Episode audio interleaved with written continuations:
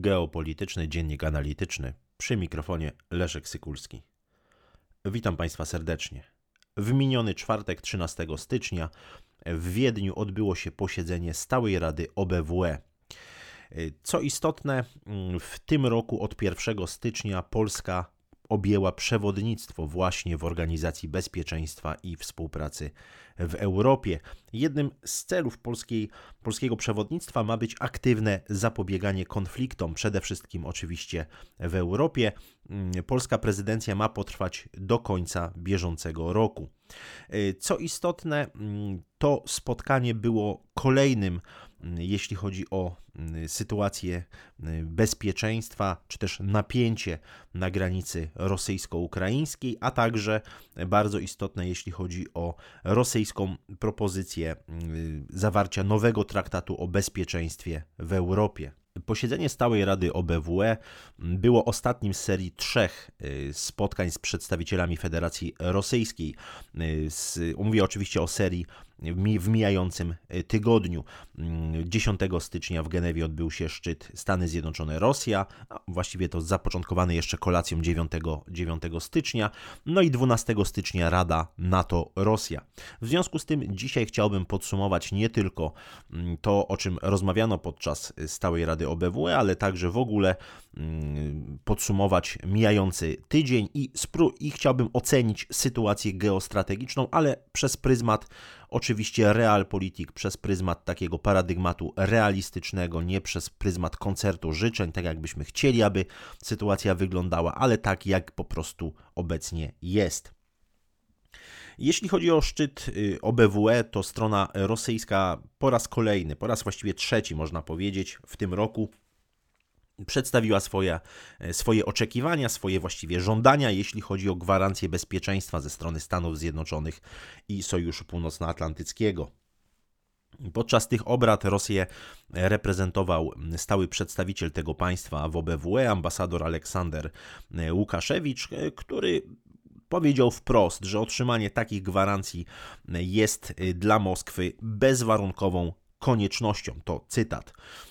W tym kontekście mm, jakby Rosja nie otrzymała żadnej konkretnej e, odpowiedzi. To też warto, warto podkreślić, chociaż ja nie sądzę, aby Kreml tutaj e, oczekiwał otrzymanie jakichkolwiek, mm, jakichkolwiek konkretów.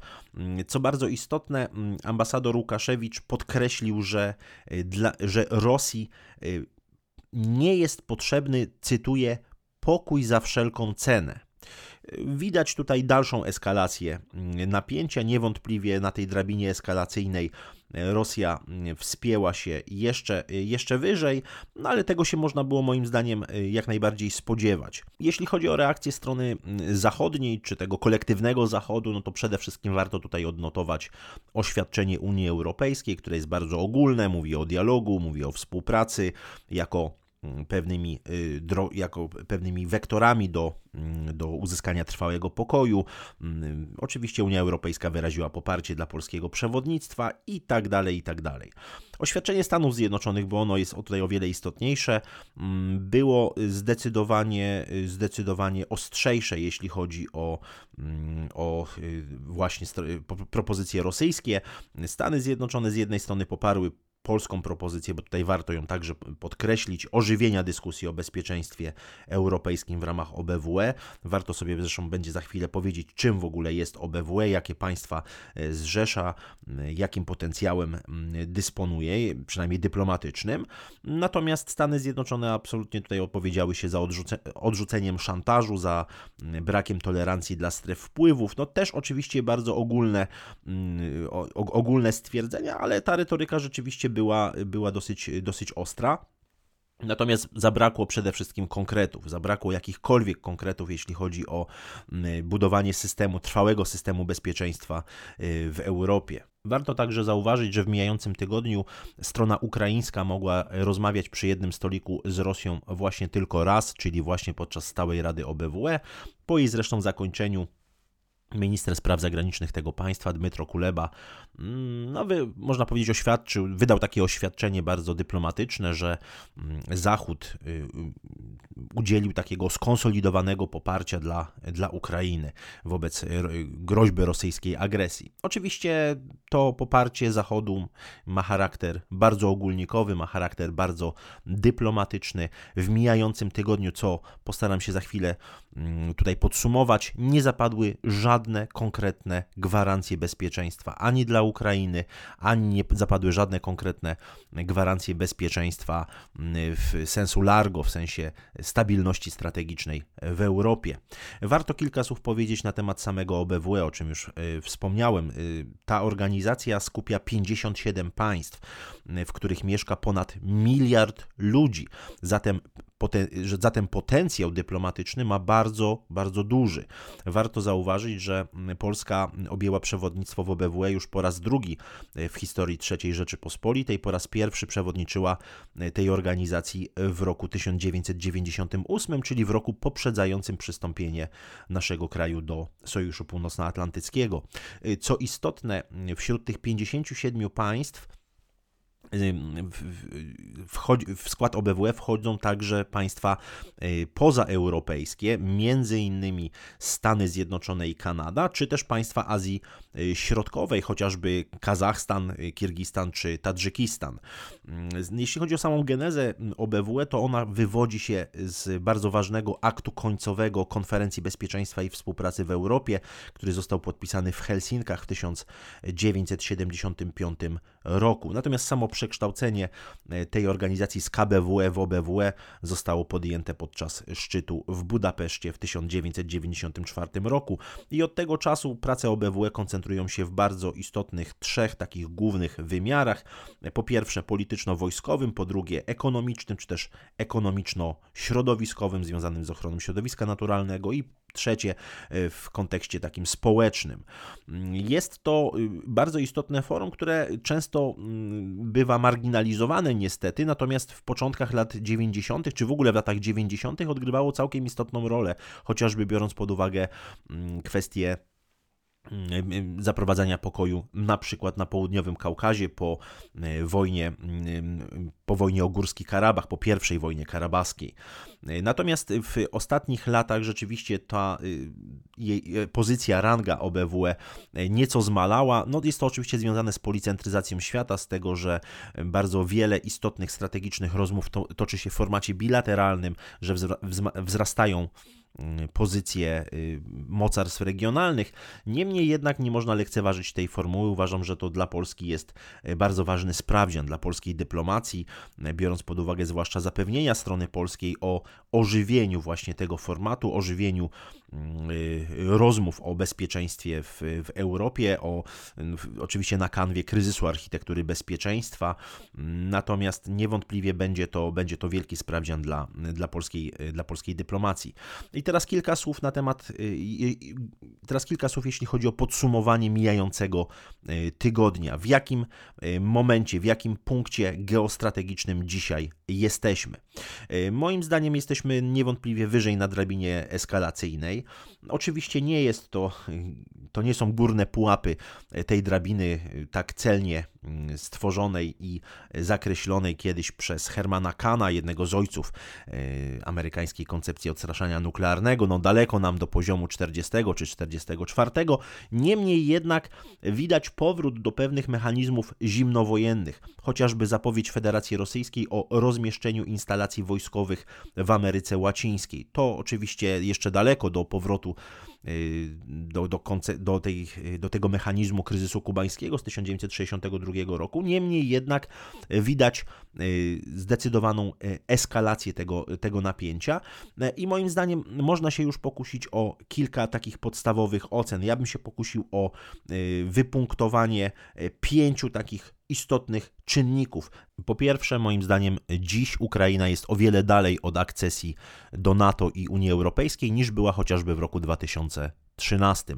Wynika to i ze słabości państwa ukraińskiego, i y, z całkiem sporej niechęci elit niemieckich i francuskich wobec y, takiego obrotu spraw.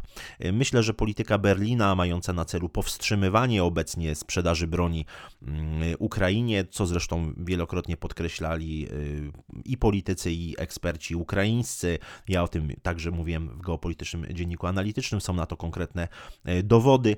Widać, że to dystansowanie się Berlina wobec Ukrainy jest całkiem spore, jeśli chodzi o kwestie bezpieczeństwa. Myślę, że nie było tutaj przypadku w roku 2021, kiedy Angela Merkel odmówiła udziału e, w obchodach 30-lecia niepodległości Ukrainy, kiedy minister spraw zagranicznych Republiki Federalnej Niemiec nie wziął udziału w platformie krymskiej, czyli w takim nowym formacie dyplomatycznym ukraińskim, mającym na celu no, gdzieś tam w, w dłuższej perspektywie odzyskanie Półwyspu Krymskiego.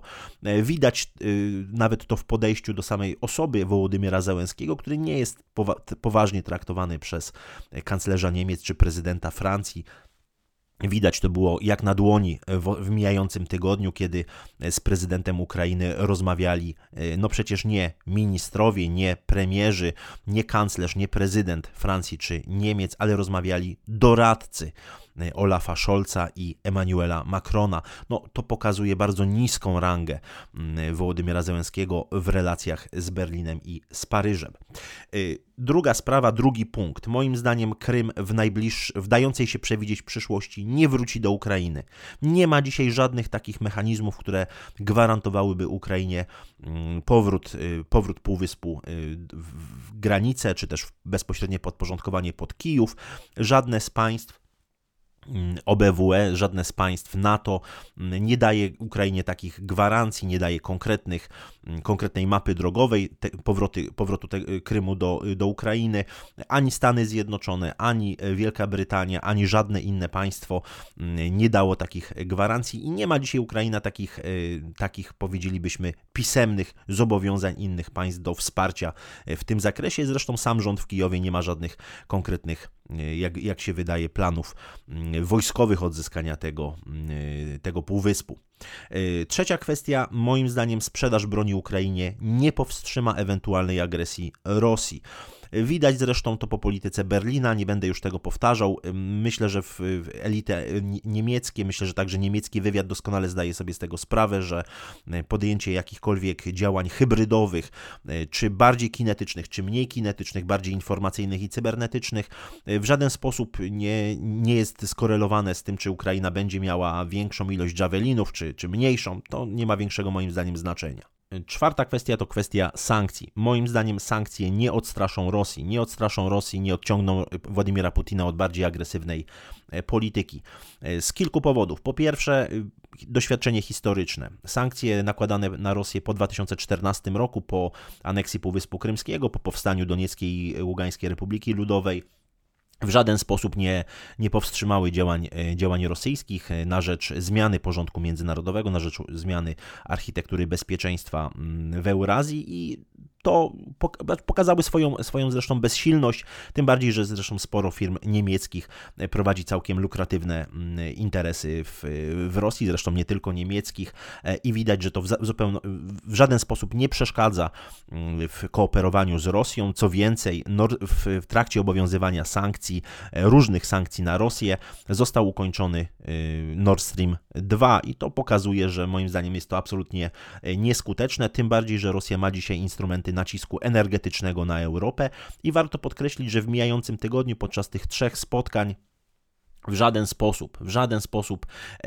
nie, nie próbowano nawet zapobiec temu szantażowi energetycznemu rosyjskiemu. Nie przyjęto żadnych konkretów, jeśli chodzi o zabezpieczenie Europy, a w tym także Ukrainy na przykład, przed szantażem energetycznym. Przecież wiemy doskonale, że w roku 2024 wygasa umowa, o, jeśli chodzi o tranzyt rosyjskiego gazu przez Ukrainę i do dzisiaj Ukraina nie otrzymała żadnych, ale to żadnych konkretów od Niemiec czy od Stanów Zjednoczonych, co będzie, jeśli Rosja zakręci przysłowiowy kurek. Dzisiaj Kijów nie ma absolutnie żadnych gwarancji bezpieczeństwa energetycznego. E, I piąta sprawa, moim zdaniem, NATO nie będzie walczyć za Ukrainę. I to potwierdza, potwierdzają wypowiedzi takich czołowych europejskich polityków, jak chociażby ministra obrony Wielkiej Brytanii, o czym już także e, mówiłem w jednym z dzien geopolitycznych dzienników analitycznych, że Wielka Brytania nie wyśle swoich żołnierzy na pomoc Ukrainie, bo Ukraina nie jest członkiem NATO. Moim zdaniem dzisiaj Unia Europejska, zresztą biorąc pod uwagę to, że jest karłem e, militarnym i karłem geopolitycznym także w, w dużej mierze, bo słabość militarna no, też oczywiście pozycjonuje mm, Unię Europejską właśnie jako, jako gracza no, na pewno nierównorzędnego wobec takich potęg jak Stany Zjednoczone czy, czy Chiny. Y, moim zdaniem to pokazuje, że, że dzisiaj mm, żaden, żadna z państw e, natowskich nie będzie chciało walczyć e, za Ukrainę. Myślę, że nie ma przede wszystkim takiej woli politycznej w takich państwach jak Wielka Brytania, Stany Zjednoczone, Niemcy e, czy Francja. Myślę, że mm, oczywiście prędzej znaleźliby się tacy politycy w Polsce, którzy chcieliby wysyłać polskich żołnierzy na pomoc e, Ukrainie, ale myślę, że to biorąc pod uwagę cały ten obraz geostrategiczny byłoby katastrofalne w swoich skutkach dla państwa polskiego. Uważam, że Polska w żaden sposób nie powinna bezpośrednio angażować się po stronie, po stronie ukraińskiej, ani po stronie oczywiście rosyjskiej, jeśli chodzi o konflikt y, ukraiński. Uważam, że jeżeli wybuchnie jakikolwiek większy konflikt w naszej części Europy, Polska powinna do niego wejść jako możliwie ostatnie państwo, a nie jako pierwsze, tak jak było to w roku 1939. Reasumując, y, uważam, że będziemy w najbliższych mm, tygodniach, w najbliższych miesiącach świadkami zwiększenia eskalacji w relacjach międzynarodowych. Uważam, że Polska powinna zachowywać się w sposób niezwykle wstrzemięźliwy, niezwykle powściągliwy, nie y, idąc na starcie, nie idąc na żadną konfrontację y, w naszej części Europy, nie próbując eskalować y, napięcia. Doskonale widzimy skutki takiej, e, takiej polityki, która mm, była polityką ingerowania w wewnętrzne sprawy innych państw. Mam na myśli oczywiście Białoruś. Widzimy, e, co stało się, jeśli chodzi o granicę polsko-białoruską. Uważam, że e, próba mm, właśnie takiej, takiej, takiej zbyt Y, powiedziałbym, prometejskiej polityki, y, czy z ducha prometejskiej polityki, jest polityką niezwykle szkodliwą dla, y, dla Rzeczypospolitej, absolutnie nieosadzoną w realizmie, nieosadzoną w analizie realistycznej, a to, co powiedziałem przed chwilą, tych pięć punktów moim zdaniem jest bardzo czytelnych, bardzo dobrze rozumianych w Berlinie, w Waszyngtonie, w Londynie czy w Paryżu i warto, aby także polscy politycy zaczęli rozumieć, o co idzie gra i jak wygląda dzisiaj układ sił i interesów. Dziękuję Państwu za uwagę.